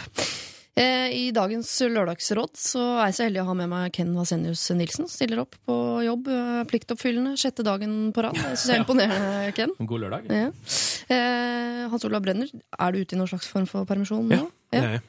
Pappaperm? Nei, Nei, for det har du hatt. Den tok slutt, gitt, Ja. så da måtte jeg få meg en annen type perm. Ja. Nå er det ulønnet perm. Ja. Ah, den laveste formen for perm. Det er, det, bare, det er ikke bare at du ikke får pensjonspoeng, den tar for det, fra deg pensjonspoeng du allerede har fått. Den typen perm. Fy søren, det er dårlig. Og Line Verndal, som jo mm. er frilans, så trenger ikke forholde deg til de tingene der. Eh, perm og ikke perm Nei, Ja. det ikke. Det er arbeidsledig eller ikke hos meg. Ja. Hvor er du på, Hvilken side er du på Eh, akkurat nå? jeg er ikke arbeidsledig. Jeg har en slags fast jobb eh, enn så lenge i TV3. Ja, det har vi snakket om før. ja. At de har mm, Jeg skjønner. Eh, vi skal ta for oss eh, litt sånn svigermorproblematikk. Eh, det har vel de fleste vært eh, borti på et eller annet tidspunkt. Eh, jeg har et slags problem med svigermor. Hun er aktiv og flott som bestemor til mine to små barn. Og nå har hun invitert eldstemann med på teater for å se en oppsetning av Snøhvit. Datteren min er tre år. Hun er eh, ikke så glad i å se på skumle ting. Hun vil se på kattunger på YouTube eller Dora på eh, Disney Channel osv. Snøhvit er jo ikke bare koselig. Eh, Det er en historie med en prinsesse som eh, leker med syv små koselige dverger i fred og fordragelighet. Eh, tro meg, jeg har sett DVD-en av Disney.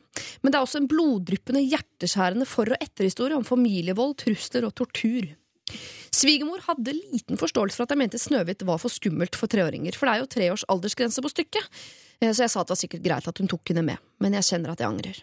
Jeg har sterke motforestillinger mot eventyr generelt. Jeg mener at folkeeventyrene har et unødvendig kvinnehatsk menneskesyn, og føler det er unødvendig å bruke tid på å lære vår generasjon barn disse historiene om stedøtre og fortapte prinsesser som må vaske gull fordi noen hater dem, men at de ved hjelp av en vakker stemme, bambiøyne og et hjerte av gull blir reddet av en prins og endelig kan ha et verdig liv ikledd ballkjole og glitresko.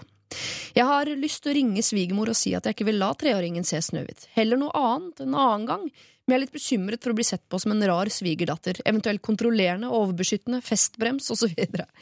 Bør jeg være overbærende og la svigermor få kjøre sitt løp etter sine verdier, eller bør jeg tørre å være bad guy og skjære igjennom på forhånd for å beskytte min datter? Mrs. Hopp, avslutter hun mailen med. Oi, kjære innsender. Mm. Jeg har også en datter. Mm. Du kommer ikke unna disse historiene noensinne. Det er Askepotter og Snøhviter og Barbie-filmer, og det er overalt. Ja. Eh, Så hvis hun skal være sånn skjermvegg for datteren sin i all fremtid, så eh, den, den kampen er tapt, altså. Ja. og jeg tenker en teaterforestilling eh, er jo høykultur. Det er jo mye bedre enn mye av det andre. Dere må å se Barbie-massakren på kino, Barbie-massakren. som sikkert kommer snart. det hadde vært gøy, det hadde jeg satt pris på, men eh, det fins ikke, Ja, men dessverre. det er jo to ting her. da, for at hun spør, Bør jeg la svigermor kjøre sitt løp liksom etter eget innfall? Nei, selvfølgelig ikke. Men bør hun la henne ta henne med på Snøhvit? Ja, selvfølgelig. Ja. Altså, det er jo ikke sånn at folk begynner å, å, å, å adoptere det verdensbildet eller det kjønnsrollemønsteret eller hva som helst av å få innsikt. Altså Hele kontrakten er jo at dette er ellevill, altså at folkeeventyrene har et fjernt og Det er jo selve flukten og eskapismen som er hele poenget med å se det. Det at det er så fjern fra vårt eget liv. Det er det som er gøy med det. Ja. Og hvor mye av den altså Hvis en treåring går og ser eh, Snøhvit, hvor mye av den delen er de får med seg, versus bare at det er gøy å være på teater? Veldig lite, tror jeg. Ja. Eh, forsvinnende lite. Men de begynner jo å pynte seg med disse eh, glitreskoene og ballkjolene og vil være Men- prinsesser, og de får jo et eh, sånn litt sånn gammeldags syn på ting tidlig, tidlig der. Men jeg fikk beskjed fra Jeg husker jeg skulle, datteren min skulle begynne på ballett når hun var yngre. Ja. Eh, så gikk jeg i ballettbutikken for å kjøpe ballettklær. Eh, og da ville jeg jo ikke ha sånn tutu, for jeg var også, jeg også i samme kategori, egentlig. Litt motstander av alt det surret der. Eh, men da var hun veldig bastant, hun i butikken, og sa at du må kjøpe Hun må få tutu nå. Når hun er så liten. Eh, for eh, hvis ikke så kommer hun til å ønske seg tutu hele livet. Eh, og da blir hun tutu når hun blir stor, på en måte. Eh, og Høres ut som kommer å sånn eh, afrikansk hærfører, men det er altså et sånn strutteskjørt. Ja, ja, det er, ja, det er strutteskjørt. Takk for er oppklaringen. sånn, ja, nei, du, det er derfor du så så veldig sånn på. Når du snakker om- Nei, det er den der, den der ballettskjørtet som står rett ut, da, som er rosa og ja. Ja, i tyll Eh, I tyll.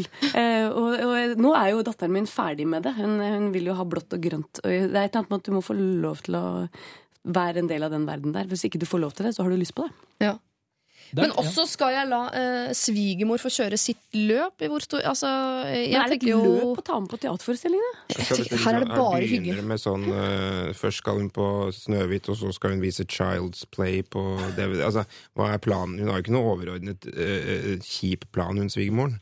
Men det er jo tilfeldigvis dette som går på teater nå om dagen. Men det Ja. teaterstykket, er ikke det sånn med dukker og Jeg har se- jeg har sett om det på TV. Ja, jeg har sett det Eh, og jeg tror ikke det er så voldsomt skummelt hvis det er treårsaldersgrense på det.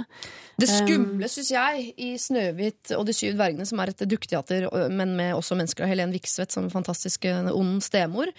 Eh, og så har du en ung, vakker skuespiller som er Snehvit. Og så har du en, en, en mann på 50, han litt feminine typen, som er prinsen. Og for oss foreldre så ble jo hele det der litt sånn småekkelt, men barna elsket det. Mm. Sønnen min snakker fortsatt om han prinsen som løp rart over scenen der, og det var stor stemning. Men Men barnet var 36 måneder, ikke sant?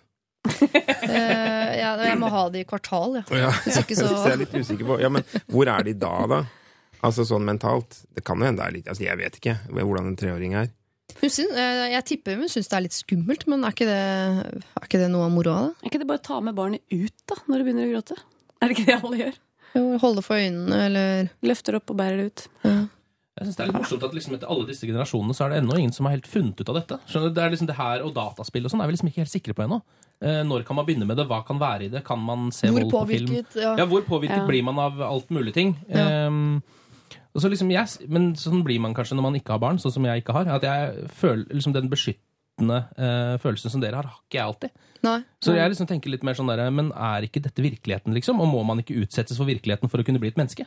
er det eneste jeg tenker. Altså Hvis du ikke har sett Snøhvit, så veit du jo ikke hva som fins der ute. Nei. Hva? ikke sant? Nei, hvis du setter det litt på spissen, så har du en treåring som enten kan bli med eh, bestemoren sin og se Snøhvit, som jeg, jeg har store problemer med å se noe negativt med. Og jeg synes også når, Hvis du ber om barnevakt, så må barnevakten til en viss grad få lov til å bestemme. Så selv om du er imot kjærlighet på pinne på en tirsdag, ja vel, det er ikke bestemor. Så da Ja, ble du har jo videokamera videokamera som følger med uansett. Ja, ja, det blir filmet og tatt opp i etterkant. Men du må gi fra deg noe av ansvaret når du gir fra deg eh, barnet. Sånn er det bare. Hvis ikke så får du passe ungen din sjæl. Ja, jeg klarer ikke Eller å så se- kan ja. du gå, hvis, hvis du går i sånn overbeskyttende retning, at her skal jeg liksom passe på og skåne og holde på, da er det Du skal ikke så du skal ganske mange skritt ut til eh, høyre der før du er på fritsel. Men altså virkelig, hvis du skal skjerme fra alt som er vondt og vanskelig, så- må du bygge et rom i kjelleren. Som han jo ble Med polstra vegger, og der er det dåra hele døgnet. Ja, og Er det noe særlig bedre å, altså, Hvilket barn blir verst? Det som ser Snøhvit i en alder av tre, eller det som bare sitter og ser på katter eh, fram til det blir sju? Jeg vet liksom ikke helt. Nei. Jeg tror, du kan ikke skåne barna dine fra å bli, fra å bli de de blir. Du kan gi noen retningslinjer, men uh, må få lov til å gå seg se Mm. Men det er jo sånn kontrollspørsmål hos barnevernet sånn når de sklir ut Så hun Snøhvit Det er da hun var tre ja. år. Avkrysningsskjema. Ja, ikke sant? Ja, nei, Så det vet er jo noe ikke. med det, selvfølgelig. Nei, vet du hva? Eh, her tror jeg eh, faktisk eh, at du er eh, overbærende og la svigermor få kjøre sitt eh, løp. Og så er det selvfølgelig eh, et eller annet sted det stopper der også. Hvis hun foreslår at de skal se, gå hjem og se Child's Play etterpå, som eh, Hans Olav nevnte her, da er det lov eh, å ikke være så overbærende. Da må du jo gå inn og være bad guy og si at Child's Play venter vi med til eh, fylte ti eller kanskje 18 eller. Kanskje, Kanskje aldri, faktisk. Det er ikke så bra film. Ja, Eh, vi tar det problemet når det kommer. Men uh, Mrs. Hopp, uh, jeg tror du skal ønske datteren din på tre år en god tur til uh, Snøhvit. Dette er P3. Jeg får beskjed her nå av tekniker og produsent at eh, Facebook, eh, bildet vi har på Facebook, også er lagt på Instagram. Det er ikke, det er ikke til å tro. Eh, Røyksopp eh, sammen med Susanne Sundfør har vi akkurat hørt. 'Running to Sea', og før det altså Farao med sin Tell. Hun vant ikke urørt sånn på papiret, men gjorde en jævla god figur, spør du meg. Eh, Lørdagsrådet i dag består av eh, meg sjæl, eh, Hans Olav Brenner, Ken Vasenius Nilsen og Line Verndal. Og vi skal jo snakke om dette med Instagram, da, som dere har egentlig snakket ganske mye om eh, i dag. Mm. Sånn eh, når andre, du som hører på, har hørt på musikk, da. Eh, hei, kjære Lørdagsrådet. Jeg har et slags eh, dilemma. Hvorfor ler dere nå? Hva ler dere av? Nei da. Det var litt kjipt for de som Sa har jeg gått det? glipp av den fete samtalen, hvor de klarte opp i hva som var det med tekst og 140 tegn, og hva som var koselige bilder. Nå avslutter du på en måte at noen ganger så er liksom ikke musikken det råeste eh, som foregår. At det kan skje råere ting mens eh, musikken går. Det, var liksom litt sånn, det er egentlig en yrkeshemmelighet vi har her på radio. Ja, men vi som jobber i radio, klarer å gjøre to ting på en gang. Altså Det å høre musikk og prate samtidig, Ja. det fungerer faktisk, da. Mm. Eh, kjære Lørdagsrådet, jeg har et slags dilemma, skråstrek luksusproblem, og det er hvorvidt eh, jeg skal være på Instagram eller ikke. Jeg er veldig glad i interiør og foto, og kunne godt tenke meg å lage en nydelig Instagram-profil hvor jeg fremstiller livet mitt som et vakkert glansbilde og viser fram nye interiørkupp, interiørbilder av huset. Problemet er at jeg samtidig misliker dagens sosiale mediepress, hvor alt skal være så jævla perfekt. Det står ikke jævla, det la jeg til, faktisk. Og jeg liker ikke tanken på å være med på å øke dette presset. Spesielt ikke når jeg har vært så heldig i livet, har funnet kjærligheten, fått barn, bor i et over gjennomsnittlig stort hus, og fint hus, med fasiliteter som basseng, treningsrom, walk-in closet, og slik sett ikke mangler noe. Skal jeg gi blaffen i min sosiale samvittighet og skryte uhemmet av mine materialistiske gleder og nyervervelser, eller burde jeg holde meg for god til dette? Det skal nevnes at vi har eh, langt over middels inntekt i husstanden, slik at de fleste vil slite for å få råd til det samme. Samtidig er jeg innmari stolt over mye av det vi har gjort her hjemme, for det ligger jo mye arbeid bak også. Hilsen ambivalent til sosiale medier og selvskryt. Oi, oi, oi. Forstår du? Hun er jo der, men hun er klar over det, og lurer på om hun skal skryte av eh, der hun er i livet, eller om hun skal Høres ut som hun hadde en fin liten nisje gående der, altså. Noe Ja. som ikke fins der fra før. Nei, men hun eh, Altså, det bikker nok ikke over i det usmakelige Instagram med henne. Eh, så hun kan nok trygt gå inn liksom, av hensyn til mediet og liksom den en allmenn oppfatning, så er det ikke noe fare å, å gå inn der. Virker som hun er en av de som virkelig vil ha glede av det. Ja. faktisk. Mm. Men det er klart det er jo 200 millioner mennesker som er i tenkeboksen nå, om de skal gå inn der eller ikke. Så hun er ikke alene. Hun snakker på vegne av ekstremt mange mennesker. Jeg lurer sjæl på om jeg skal begynne på Instagram Ja. og reflektere mine nyinnkjøpte fynd og Nei, men vært Er det noen Hvem er det? Er det det? Ja, jeg er der, jeg, altså. Jeg er ikke, ikke der, men jeg, jeg skjønner ikke jeg har, jeg har ikke noe sånn behov for å være så voldsomt privat synlig noe sted. i grunnen, jeg. Nei. Og jeg, jeg føler meg veldig gammeldags når jeg sier det, kanskje. Men, eh, men hvorfor skal man gjøre det, lurer jeg på. Hva, hva skal, hvorfor skal jeg vise fram den nye kaffekoppen min, liksom? Ja, men for at jeg, er ikke på, jeg har ikke basseng og walk-in closet. Jeg er ikke der eh, Nei. på noe som helst. Jeg har ville nok hatt eh, økonomiske utfordringer ved å erverve meg en del av de tingene hun har. Men jeg er også sånn jeg, når jeg får en ny ting, så er jeg såpass glad i den at jeg har behov for å vise den fram. Det må Ja. jeg innrømme. Fordi, men det er fordi jeg er helt sånn sykelig opptatt av eh, design, interiør og sånn, så jeg vil veldig gjerne vise fram. Men kan man ikke bare invitere venninner på middag, da? Det er det jeg gjør, vet du. Jeg Driver jo med det. Ikke Ja. sant? Nå har jeg booka en middag hjemme hos meg i mars, for da veit jeg at eh, det marmorbordet jeg har tegna, er på plass. Og Er det sånn? sant? ikke sant? Sånne- Gjør du det? Ja, ja, ja, jeg gjør det. Da. Og venninnene mine vet det, så de kommenterer alt og går rundt og titter i skuffene mine og holder på. Ja. Men eh, på Instagram, jeg vet, eh, blir det usmakelig hvis hun gjør det? Er hun med på å forme liksom, ungdommen, eller? Nei, Og så er vi litt imot den der janteloven òg. Hvis hun har kjempelyst, så må hun jo bare gjøre det. Ja, alle andre gjør det jo. Så jeg er kjempefor janteloven. Jeg syns det er veldig bra at folk jekkes ned med en mellomrom. Men, men jeg tenker at altså, dette blir sånn spilt av om 20 år med sånn folk som er skeptiske til at man deler livet sitt på Instagram. For det er jo bare sånn verden er blitt, Så må Mm. vi innse. Ja. Eh, Og så kan man være der med større og mindre Hun fotballfru, for eksempel, hun syns jeg kombinerer Jeg har ikke satt meg så inne, men hun kjøper veldig dyre klær, har jeg skjønt. Mm. Men så poserer hun foran Downtown kjøpesenter i, i Skien Ja. med de klærne. Så da får du liksom Det er både litt sånn utilnærmelig og veldig eh, grounda og, og, og begripelig på samme tid. Så det syns jeg er litt fint å kombinere to nivåer, Ja. sånn som hun etter sigende gjør. da. Eh, Hvorvidt det er bevisst eller ikke, det vet man jo ikke. Men jeg tenker også at ambivalent og sosiale medier til sosiale medier selvskryt her, som sender inn eh, Vi vet jo nå at de profilene der som bare viser glansbilder, eh, det er jo en egen nisje nå, så det er ikke sånn at vi tror at verden er rosa av eh, den grunn. Og kanskje det er noen ungdommer som tror det en stund, men så skjønner de også at ikke det er helt uh, sånn. Ja, og så er det jo det bare en liten del av Instagram også. Ja. Uh, Jeg tror ikke jeg følger en eneste person som legger ut sånne bilder. Nei. Eh, Jeg følger egentlig folk jeg kjenner, eh, og noen sånne folk bare fordi de er kjendiser. og veldig kjente folk. Men da, Sånn Rihanna, for eksempel. Ja. Rihanna er mye på ferie. Det synes jeg er veldig deilig. Eh, jeg følger Britney Spears, faktisk. Men legger litt, Er det sånn private Er det sånn, er det sånn peaking-feeling på det? Ja, det er litt sånn Rihanna i bikini på stranda med en joint. er vel Ja, det vanligste bildet Ja. av henne. eh, Ja. på en måte. Men hun har et apparat som jobber for seg på Ja da, det kan jo Og kanskje jeg skulle hatt noe sånt? I Line som gjør sånne Ja. crazy ting. Det hadde vært litt kult. ja. Og så er det også deilig for å vite liksom, av hvilke fester man ikke er invitert på. sånn. Eh, For det finner man jo veldig fort ut, og hva andre folk gjør på nyttårsaften og sånn. Uh, Rihanna er stadig bedt på ting som du ikke er bedt på. Faen, Rihanna. Uh, Nå er det nok en gang Enn om vi er så gode vinner på ja, Instagram. Ja, liksom. Men uh, kunne hun eventuelt ha teamet seg opp med en venninne som ikke har vært så heldig i livet? Sånn at de utfyller hverandre på Instagram? At hun uh, her viser den rosa siden og får en venninne til å vise den brune? Da. Altså, det er nok av folk som viser den brune, altså. Eh, Ja, ja. Så du trenger ikke nye flere av de heller. Nei. Um, Jeg bare tenkte hvis jeg du- syns det er bare go, jeg. Bare gå ut og gjør det. Ja. Du trenger ikke ha, hvert fall ha noe dårlig samvittighet på samfunnets, for samfunnets del for at du gjør det. Nei. Det, er ikke, det tror jeg ikke Men det er fint at hun er bevisst på det. Ja, eh, det er det. Og så kan hun vise flere sider på Instagram. Ja, hvis hun har. Men jeg vil også tipse deg om en, eh, et annet sosialt medium. Holdt jeg på å si. Heter det media? Medium, ja. ja. Som heter Pinterest. Som er, altså, som er en felles interiørblad. Altså, det er som en sånn en pin, Hva er det på norsk, da? Altså en, eh, ikke en sikkerhetsnål, men en er tegnestift. En tegnestift. Det er, så det er på en måte Alle de bildene du før ville ha klippet ut av interiørblader og opp på veggen med en tegnestift, de bare pinner du på Pinterest. Så har du en egen side hvor det er eh, bilder av alt du syns er fint innen interiør. Bilder du har tatt selv, eller ting du har funnet på nett eller funnet i blader. og alt mulig sånn. Så da får du en slags sånn derre, eh, enormt eh, virtuelt moodboard inne på Pinterest. Og så får du følgere, og du kan følge andre. Og jeg, jeg, bare jeg ville gått inn der, ja, og så latt Instagram ligge. Ja. Kan det være Ja, jeg har aldri hørt om det før. men Det høres jo fint ut, det. For oss Ja, du satt- Du satt på fasiten, for å si det sånn. Ja, jeg sparte den til slutt. Jeg tenkte det kunne få lov til å leke der. Sånn inspirasjonsvegg eller noe sånt. Eller seriemordervegg i krim. Nei. Ja, men Der vil hun ikke bli stilt i et dårlig lys. Hvis hun fokuserer på sine gode sider og estetiske sans og dyre innkjøp, så er det ingen som hever et øyenbryn der. Nei, for det er det det handler om. Ikke sant? Ja. Dette er riktig sted for Ja, men det er jo den nisjekanalen for henne. Det er ikke noe tvil om.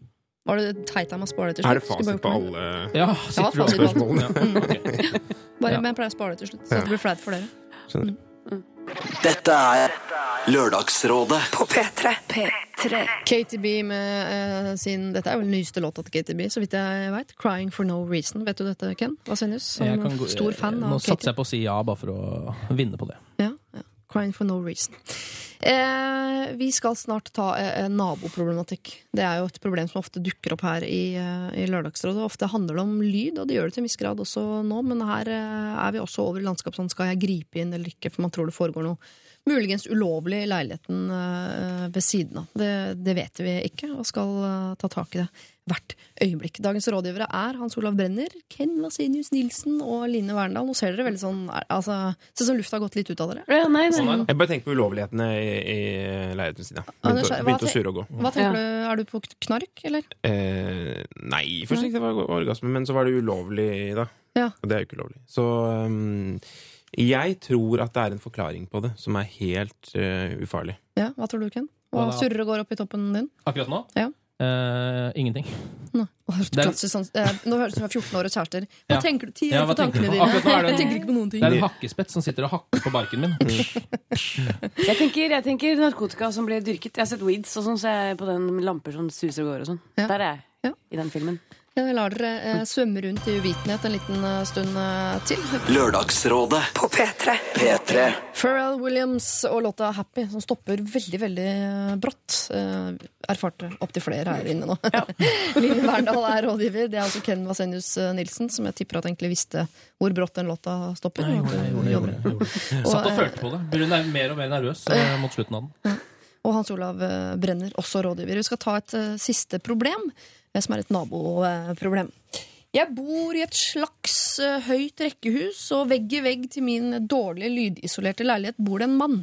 Han har en kjæreste som han ofte krangler med. Det er svært høylytt, ofte gråter hun, og flere ganger har jeg hørt ting bli kasta i veggen. Både små og store ting.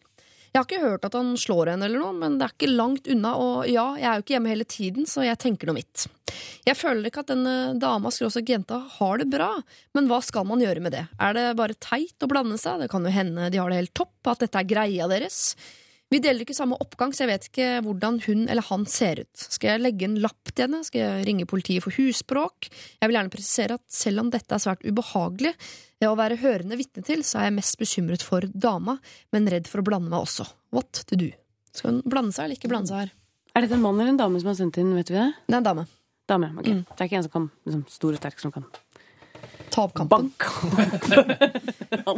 Nei, Det okay. kan jo være allikevel at, er en, øh, at hun er helt rå i boksing, Ja, og ja, ja, ja, mannen er bitte liten. Absolutt. Ja. Nei, Man bare rydde av veien, sånn sjekke at han ikke er sånn glasskvalitet undersøker for Hadeland Glassverk og må knuse ting i embets medfør og utelukke en del sånne opplagte ting. Ja. Som for eksempel det. Som for eksempel eh, eller holde marsvin i veldig sånn intrikate bur med store hjulsystemer som lager mye lyd. Sånne ting som han driver gresk restaurant.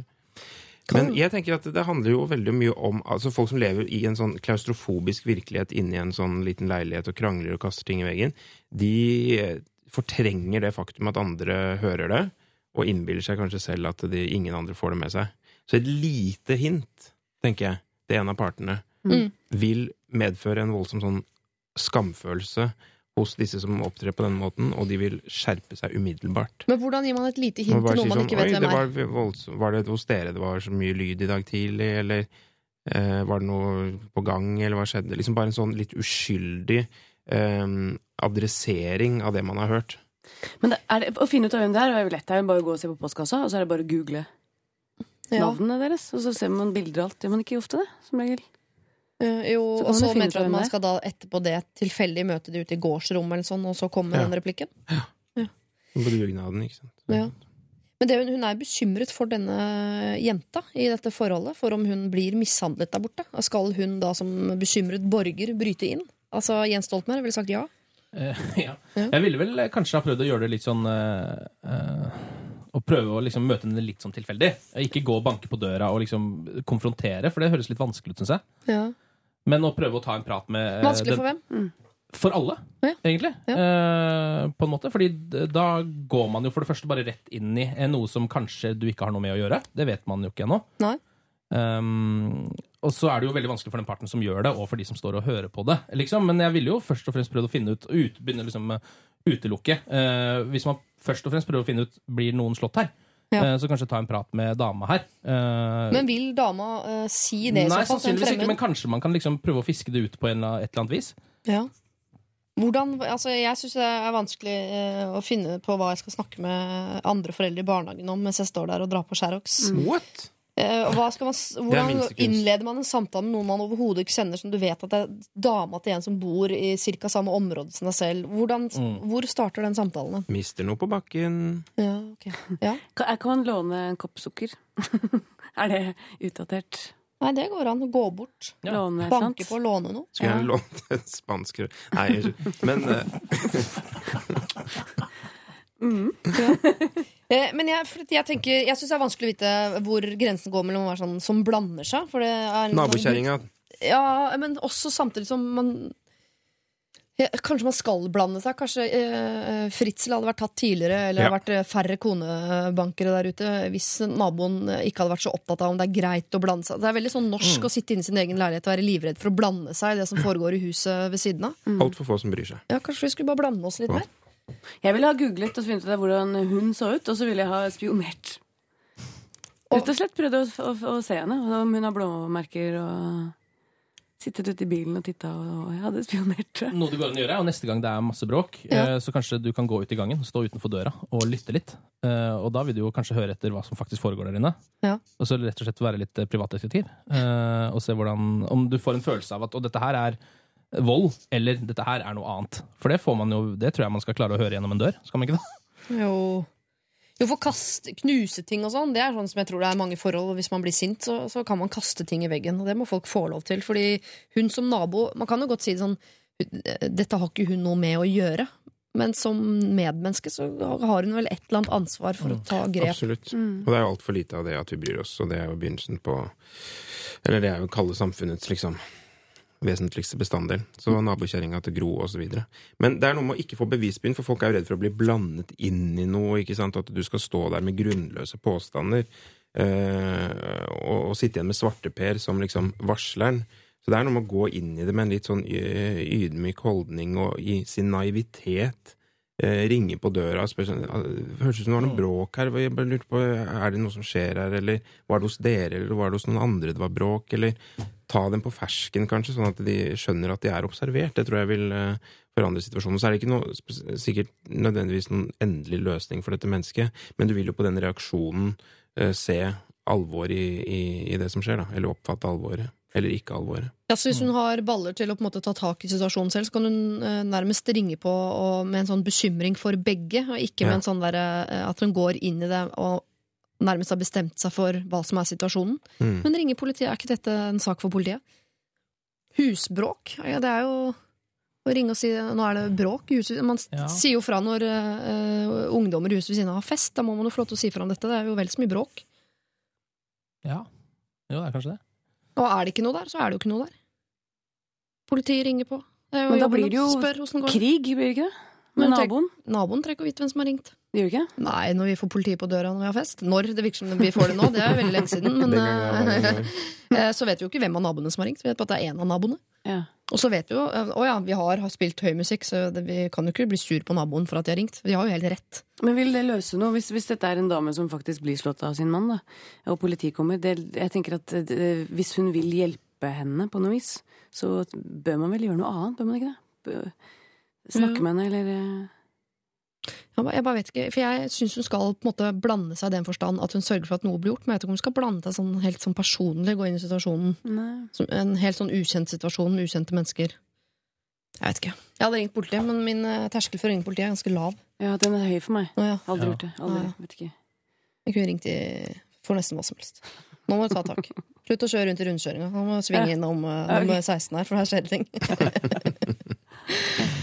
Nei, jeg vet ikke. Men det virker som om alle i Lørdagsrådet nå er enige om at hun på en eller annen måte må blande seg. Mm. Ja, Om hun skal sitte utenfor i, i bilen og spionere, eller miste noe for å involvere en samtale, eller um, Eller ringe på stikka, kanskje. Neste gang det skjer noe. Bare Ja. ringe på stikka.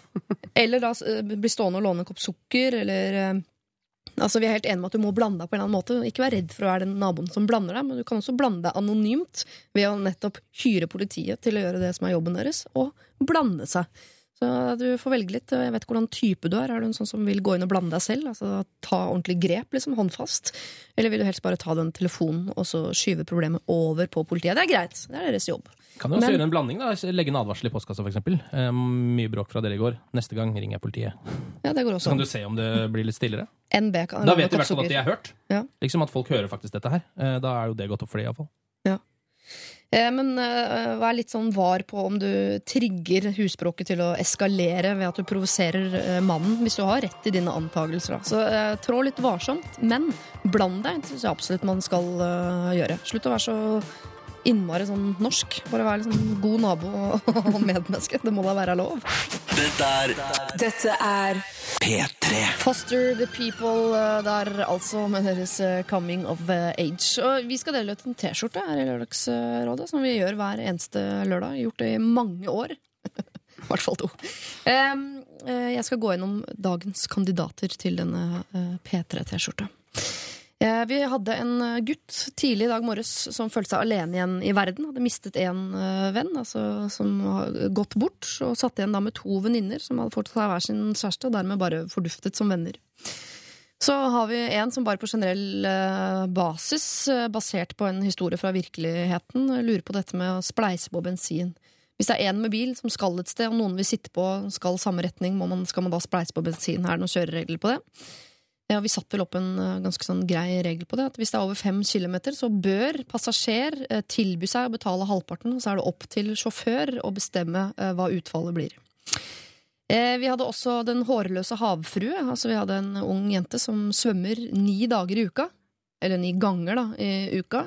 Med en mor som er blodfeminist og vil ikke at hun skal barbere seg noe som helst sted på kroppen, noe hun selv da ønsker. Eh, vi har hatt en eh, kollegafeide, altså en eh, mann som jobber i en butikk eh, sammen med sin far, og en kollega de mener er ubrukelig. Problemet var at eh, det vi nå i ettertid har skjønt, at det er moren til denne kollegaen eier butikken. Eh, så har vi en eh, mor, tobarnsmor, som eh, har en svigermor som gjerne vil ta med eldstedattera på tre år på Snøhvit. Som en eh, mor her er bekymret for at det er et litt for sånn skummelt stykke, og om det er de rette verdiene å vise til et barn i 2014. Instagram eller ikke? Eh, der hadde vel rett og slett programleder fasit. Eh, gjorde om spørsmålet. Instagram eller ikke, samme for meg. Jeg Meld deg inn i Pinterest. Var fasit på det. Eh, og så nå til slutt her, nabofeide. Altså skal jeg blande meg? Skal jeg være god nabo, godt medmenneske og blande meg i noe jeg tror er et problematisk forhold i en leilighet litt bortafor? Ja, var vel kort svaret på det, da. Er det en av dem som fortjener T-skjorte, føler dere? Den som kanskje jeg, eller som jeg på en måte sitter igjen med liksom, syns mest synd på, er jo denne personen som sitter igjen uten venner. Ja. Men den personen jeg syns lagde best radio, eh, var den 16 år gamle jenta eh, som sleit med dette med barbering. Ja. Så, en av de to, da. Ja. Det er mine kandidater. Ja, så kunne mora få T-skjorte og gå uten BH i den T-skjorta.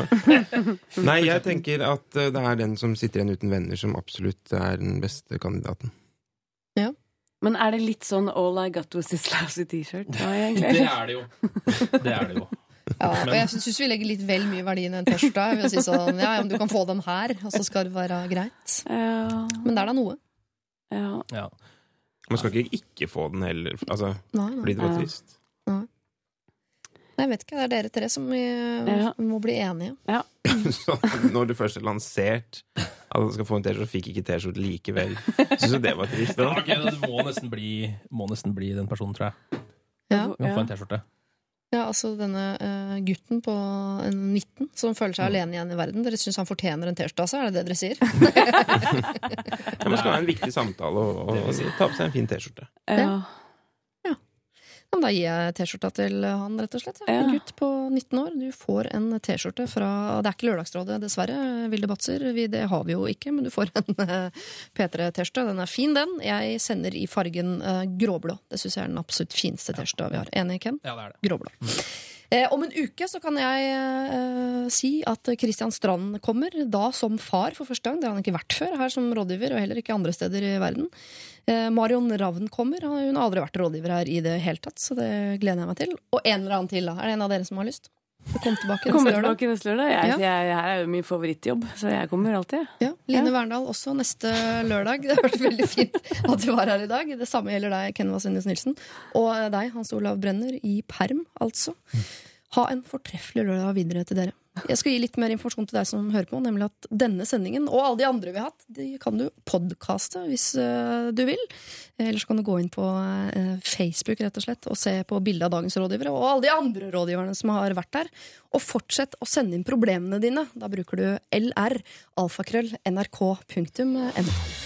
Dette er Lørdagsrådet På P3.